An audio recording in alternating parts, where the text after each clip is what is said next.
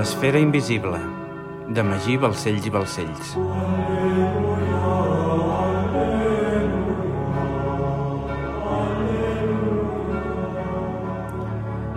Capítol 4. Carreus de marbre. Dissabte 24 de març de 1302. Barcelona. Principat de Catalunya. El dia naixia amb total claredat sobre la ciutat com tal, mentre les campanades de morts ressonaven per tot l'entremat urbà. El so escabrós de les campanes congregava la gent, vestida per l'ocasió, davant del Palau Reial Major. Joan Roca, Picapedrer del Gremi de Constructors de Barcelona observava la multitud amb atenció mentre picava una pedra a l'absis de la nova catedral. L'impressionava l'ostentació que mostraven tots els nobles i burgesos de la ciutat. Bernat Pellegrí, el bisbe de Barcelona, havia mort feia dos dies i el seu funeral tindria lloc en poques hores. Com que la catedral s'estava reconstruint, la capella ardent s'havia instal·lat a la sala noble del Palau Reial i la missa seria la petita església de Santa Maria de les Arenes, construïda sobre les antigues arenes de l'amfiteatre romà de Barsino. El mateix rei encapçalaria la comitiva que traslladaria el fèretre des del palau a l'església del nou barri portuari. I els rics homes de la ciutat restaven a l'espera que s'obrissin les portes i sortís el rei Jaume II. Joan, de 15 anys, mitjana constitució i cabell i ulls castanys, picava amb meticulosa tossuderia sobre una gran pedra, just al costat del Palau Reial, mentre el murmuri de la gent creixia cada instant. Mirava la finestra del palau intentant veure el rei. Des de que treballava allà el veia tot sovint i li agradava. Mai hauria imaginat que veuria el rei, però des de llavors, mentre picava la gran pedra, imaginava que coneixia el rei en persona. Imaginava que el monarca el convidava a entrar a palau i llavors, des de la finestra que donava a la catedral, anunciava a tothom que era un bon amic seu. Com tot Joanet, Joan tenia referents i ídols, i en el seu cas sentia autèntica devoció pel rei Jaume II i el seu llinatge. Hi havia poques coses que desitgés tant com conèixer el sobirà de Catalunya i Aragó. A Joan li encantava perdre's en els seus somnis, visualitzar-los i imaginar-los. Ho adorava. Passava gran part del dia perdut en els seus pensaments, imaginant un futur d'infinites possibilitats on tots els somnis eren possibles. Ser a Barcelona, per ell, era un somni fet realitat que posava de manifest que res era impossible. Joan no feia ni tres anys que havia guanyat la seva llibertat i que s'havia traslladat a la capital, Temps suficient per entendre que preferia la vida urbana i que aquella era la feina de la seva vida. Adorava el seu treball. En només tres anys havia passat de simple aprenent a picapedrer i es despertava cada dia ple d'entusiasme i passió per treballar a la pedra, curosament, dia a dia, modelant la dura roca fins a convertir-la en una peça imprescindible d'un immens trencaclosques perfecte, la nova catedral de la Santa Creu i Santa Eulàlia de Barcelona. Sovint pensava en el seu pare i el seu germà i sentia llàstima. Tot i que el seu pare adorava la vida de pagès, Joan sabia que les condicions en què havia de viure, sotmès a la gleba i als capricis d'un noble tirànic i faltat de misericòrdia, mai serien iguals a la prosperitat que respirava la ciutat comtal. La bulliciosa ciutat de Barcelona, amb 43.000 habitants, havia esdevingut amb el pas del temps un dels centres polítics i comercials més importants d'Occident i els barcelonins, els homes lliures més privilegiats de la cristiandat. Des de la caiguda de Roma, Occident s'havia convertit en una societat rural, pobra, minsa i disgregada, que vivia amb la por constant per les invasions bàrbares. Per aquesta raó, la gent havia entregat la seva vida i la dels seus descendents a algun noble que els donés protecció. Amb l'adveniment de l'islam i la seva expansió sobre part d'Occident, aquesta situació no va fer més que greujar-se i durant segles la majoria dels homes i dones havien bescanviat la seva llibertat per la protecció d'un senyor que els explotava. Des de llavors, el vassallatge havia crescut arreu i s'havia estès per tota la societat fins a aniquilar la llibertat de tots els homes. La major part de la gent estava encadenada a la gleba fins a la mort, obligats a servir el seu senyor sense protestar, vivint una vida de misèria, dominació i esclavatge. La condició de vassalls, en aquells temps de servitud i postració, era insalvable. Néixer vassall implicava morir vassall i l'ascens social era quasi impossible. El serf només podia aconseguir la seva llibertat pagant una remensa al seu senyor, que per la seva elevada quantia mai estarien en condicions de pagar. Malgrat tot, gràcies al sistema d'explotació feudal i a l'òptim climàtic que es va produir sobre Europa a partir de l'any 1000, les bones collites continuades sobre Occident van provocar un excepcional desenvolupament econòmic i demogràfic com no es produïa des dels temps dels romans, i en els últims 300 anys, Europa havia quasi triplicat la seva població – El ressorgiment d'Occident va comportar la definitiva hegemonia del cristianisme sobre l'islam, però també el renaixement de les ciutats, l'única oportunitat real d'aconseguir la llibertat.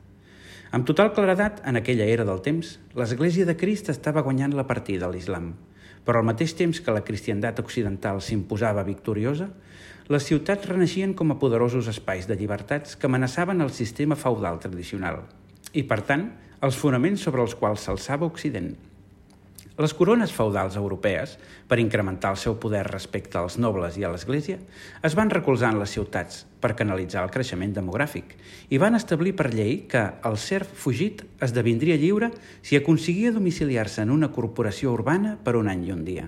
Les ciutats es presentaven, doncs, com l'única oportunitat real d'aconseguir la llibertat. Les noves ciutats, construïdes sobre antics assentaments romans o de nova fundació, florien radiants com a oasis de llibertat en un desert de vasallatge i dominació i atreien cap a elles a totes les persones amb ànsies d'alliberar-se del vassallatge i sedullar-se amb la llibertat. Els homes lliures van créixer de forma vertiginosa a les urbs, i alguns d'ells es van enriquir fins a convertir-se en comerciants que aglutinaven fortunes incalculables, naixent així un nou estrat social lliure del vassallatge, la burgesia. Els burgesos, com a homes lliures que eren, no estaven sotmesos al vassallatge de cap senyor, ni laic ni eclesiàstic, i per la defensa dels seus interessos es van agrupar en gremis que pressionaven el poder polític. Les ciutats que els van concedir institucions d'autogovern i que van obrir les portes al comerç van incrementar la riquesa i la prosperitat dels seus habitants fins a extrems desconeguts en aquells temps. Barcelona era un clar exemple d'aquest model de ciutat, i el jove Joan Roca ho sabia, i se sentia orgullós d'haver-ne esdevingut ciutadà. Malgrat haver nascut com a vassall, des que havia aconseguit la llibertat havia centrat tots els seus esforços en aprendre a llegir i escriure, i es passava hores regalant-se el luxe de llegir la història del casal de Barcelona. Per la seva situació dins l'imperi carolingi i enfront dels serraïns, i per ser més fàcilment defensable que Tarragona, Barcelona va ser en el seu temps un punt estratègic important que els comtes que la governaven van saber aprofitar, atorgant privilegis als seus habitants i convertint-la en la seva capital. Des de que el comte Borrell II va oficialitzar la independència del seu comtat respecte als francs, els comtes de Barcelona van aconseguir progressivament el vassallatge de la resta de comtes de la Gòtia i van mantenir la seva primacia durant el temps suficient perquè la Santa Seu anomenés Prínceps Gotaluniae, els comtes de Barcelona, i Principat de Catalunya a tota la terra que estava sotmesa a la seva jurisdicció. Amb el temps, els comtes van consolidar el seu principat sobre la Gòtia amb unes mateixes bases jurídiques i l'ús d'una mateixa llengua vulgar a tot el territori, que van estendre sobre les taifes musulmanes de Lleida i Tortosa a través de la conquesta. La ciutat comtal va aconseguir així una gran prosperitat amb els tributs d'aquests nous terrenys feudataris, que sumat a l'expansió econòmica i demogràfica d'aquell temps, van assentar les bases pel naixement d'una flamant nació, la catalana, i d'una gran capital comercial al Mediterrani occidental, Barcelona. Al mateix temps, amb la intel·ligent política matrimonial dels comtes de Barcelona, la dinastia comtal va aconseguir el vassallatge de gran part d'Occitània – i va forjar-se una corona mitjançant la incorporació del regne d'Aragó als seus dominis, esdevenint propietaris d'un conglomerat transpirinenc de regnes i principats. El poder de la Casa de Barcelona va arribar a ser tan gran que el rei de França, fidel aliat de la Santa Seu i etern enemic de la corona catalana, va propiciar les dues úniques croades que hi ha hagut en sol europeu. Amb la victòria francesa en la croada contra els càtars, Occitània va passar a ser francesa i es va impossibilitar l'expansió catalana cap al nord, no obstant això, les franqueses atorgades a Barcelona pels seus comptes molts anys enrere havien convertit els barcelonins en homes lliures capaços de grans empreses, i la pròspera burgesia que s'havia projectat sota aquest règim de llibertat estava tan acabalada que no es va donar per vençuda. Així les coses, barrat el pas cap al nord, la burgesia barcelonina només tenia dos camins per materialitzar les seves ànsies comercials, la reconquesta de la península i el domini de la mar. Conclòs el conflicte i clarificat el camí, la Casa de Barcelona, recolzada amb l'empenta i poder de la burgesia, es va llançar a la conquesta. En menys de tres dècades, la corona de Catalunya i Aragó havia incorporat el regne de València i el regne de Mallorca als seus dominis, i la burgesia barcelonina havia aconseguit l'hegemonia comercial al Mediterrani occidental.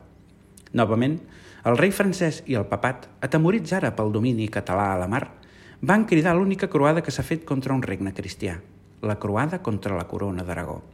Aquest cop, però, gràcies a la derrota marítima que van patir els francesos a mans de Roger de Llúria i la contundent victòria catalana en la batalla del Coll de Panissàs, es va aconseguir la consolidació del poder català a la Mediterrània. Aquesta important fita va comportar, uns anys més tard, el reconeixement de la sobirania catalana sobre Sicília, la infaudació sobre Còrsega i Sardenya i el nomenament de Jaume II de Catalunya i Aragó com a senyaler, almirall i capità general de l'Església de Roma a títol vitalici, convertint el monarca en primat de l'Església i a la Casa de Barcelona en una de les dinasties més famoses i temudes del seu temps. La corona de Catalunya i Aragó estava molt lluny de comparar-se amb els grans regnes d'Europa, el Sacre Imperi Romano-Germànic, França, Anglaterra i Castella eren molt més poderoses. Però, tot i així, la dinastia nacional catalana es congratulava del fet que era l'única que podia afirmar que, malgrat ser l'única corona cristiana que ha patit dues croades, no només hem resistit, sinó que al final hem vençut.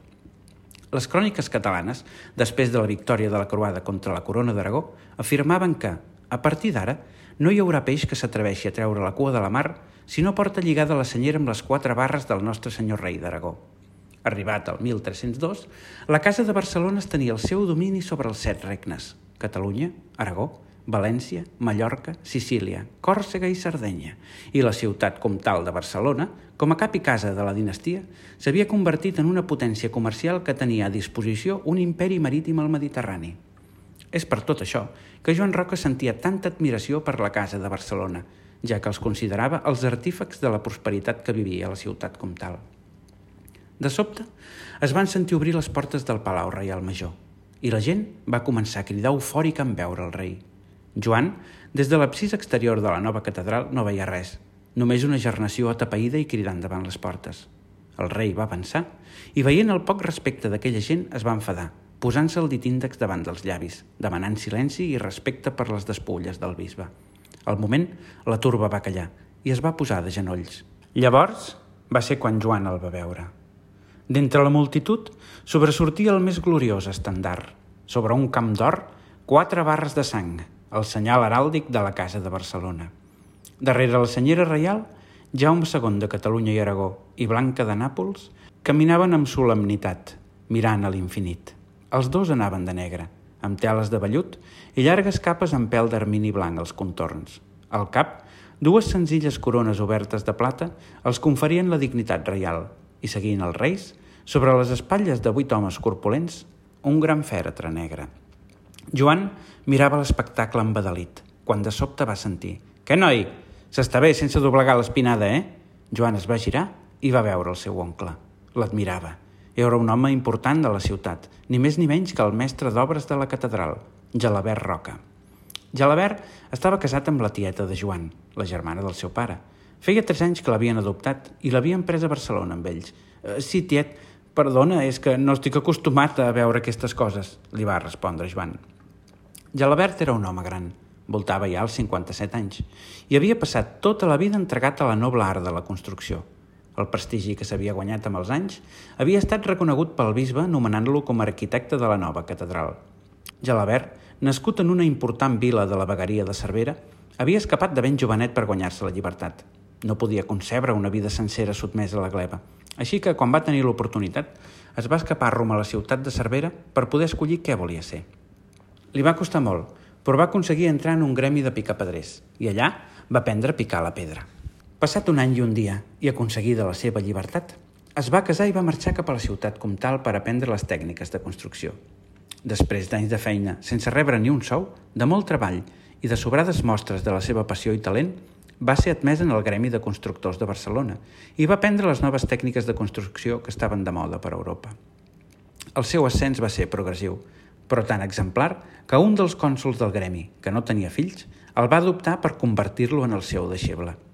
La major part de gremis, per garantir l'èxit de la seva feina i evitar la competència, guardaven els seus coneixements amb recel i només els transmetien als membres de la seva pròpia família.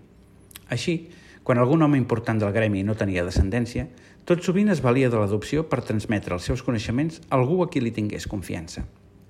Passat els anys sense tenir cap fill, Eulàlia, la dona de Gelabert, el va advertir de la possibilitat d'adoptar el seu nebot, ja que el seu germà no se'n podia fer càrrec. En un primer moment a Gelabert no li va semblar bona idea, però la insistència de la seva dona recordant-li que ell no seria lloc si el seu mestre hagués pensat igual, el van convèncer. Persuadit que havia d'obrar, com havia fet el seu mestre, va viatjar al poble de la seva dona per conèixer el seu nebot i amb tan sols unes hores de conversa va entendre que no hi havia millor candidat que ell. Gràcies als contactes de Gelabert amb un noble important de la zona, va aconseguir que el senyor del noi acceptés una remensa molt inferior a la que s'exigia i Joan va marxar amb ell cap al cap i casal de Catalunya. A veure, com tens aquestes pedres? va preguntar Gelabert al seu nebot. Joan es va remengar les mànigues, va deixar de picar i va dir al seu tiet «Ja estan llestes. Aquesta pedra de Montjuïc es treballa molt bé. Amb les claus de volta tindràs més feina», va dir Gelabert. «Per què?», va preguntar el noi. «La pedra de les claus de volta procedeix de Roma. És pedra consagrada», li va explicar Gelabert. «Va, ensenya'm les pedres».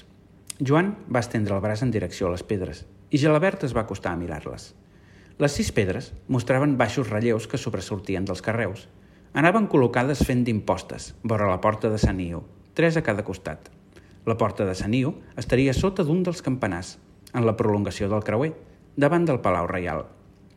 El griu que captura l'anyell, va afirmar Gelabert, observant la primera pedra. Per què em fas esculpir coses tan estranyes? va preguntar Joan. Perquè així ho volia el bisbe, va respondre Gelabert. Jo he dissenyat els espais, els volums i les càrregues. Això és tot. Eh, senzillament vaig indicar quines eren les pedres que podien ser gravades. Eh, tots els baixos relleus, les escultures i els vitralls és cosa del bisbat. Jo els hi vaig entregar el projecte i ells el van completar amb el missatge que havia de transmetre. La catedral és un missatge? va preguntar Joan, encuriosit. I saps quin és el missatge? Eh, no, fill. Suposo que això només ho saben els homes d'església, va respondre Gelabert. Però per algunes coses que vaig sentir dir al bisbe mentre explicava alguns d'aquests gravats, sí que sé què simbolitzen aquestes sis pedres. I què simbolitzen? va preguntar Joan.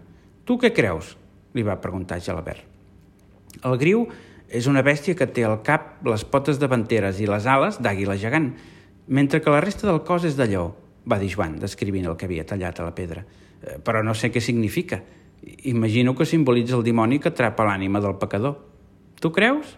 va dir Gelabert amb ironia. Els grius tenen doble naturalesa, meitat àguila, reina del cel, i meitat lleó, rei de la terra.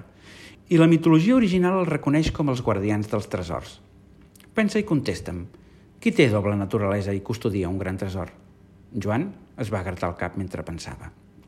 L'Església, va dir Gelabert en veure que el noi no responia. L'Església és humana i celestial alhora, reina de la terra i del cel, i guarda un gran tresor. En aquest cas, el griu simbolitza l'Església, capturant la puresa d'un ànima, l'anyell, el veritable tresor de l'Església, el control sobre les ànimes. El control sobre les ànimes? va dir el jove, estranyat. Això li ha sentit dir el bisbe? Gelabert va fer un gest afirmatiu i Joan va dir «I les altres?» La pedra que va al costat d'aquesta, prosseguia Gelabert, és un home salvatge, amb el cos cobert de pèls. A la mà hi porta una arma arcaica i quan estigui col·locada al seu lloc semblarà que intenta atacar el griu de la pedra del costat. Representa els homes pagans no sotmesos a l'Església, un perill que l'amenaça constantment. I el griu lluitant contra el soldat? va preguntar Joan, senyalant una altra pedra. La lluita pel domini universal entre l'Església i l'imperi, l'etern conflicte entre guelfs i gibelins que ha remogut Europa – un home armat lluitant contra un griu que li agafa l'espasa i l'escut i l'inutilitza. L'Església ha de tenir el control sobre la milícia. Ha de desarmar els exèrcits que la puguin posar en perill. I les tres de l'altra banda de la porta? va preguntar Joan. Un home vestit amb una túnica lluitant contra un lleó. En aquest cas, l'home simbolitza el cristianisme. I el lleó el sol. El sol? va preguntar Joan, encuriosit.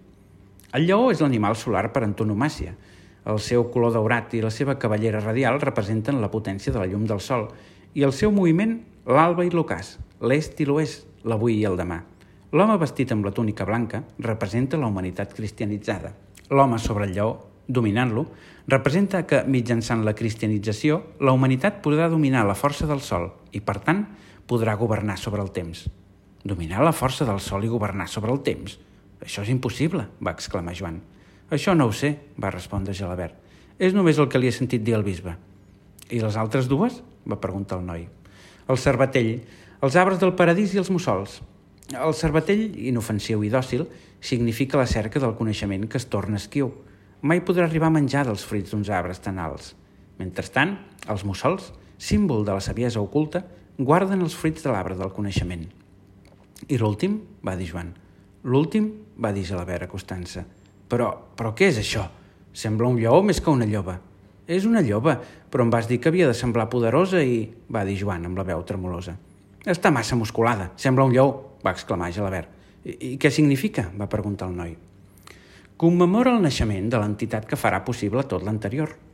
Una gran lloba alleta els seus cadells, dos dels quals, prims i escanyolits, es barallen per un mugró, mentre un tercer, refet i saciat, reposa amb el cap alçat entre les potes de la seva mare. La lloba representa la mare Roma. Els cadells famolencs que es barallen són Ròmul i Rem, pares de la ciutat efímera dels homes i de l'imperi pagà, mentre que el que descansa sadollat és l'Església Universal, la mare de la ciutat eterna de Déu i l'imperi de Crist.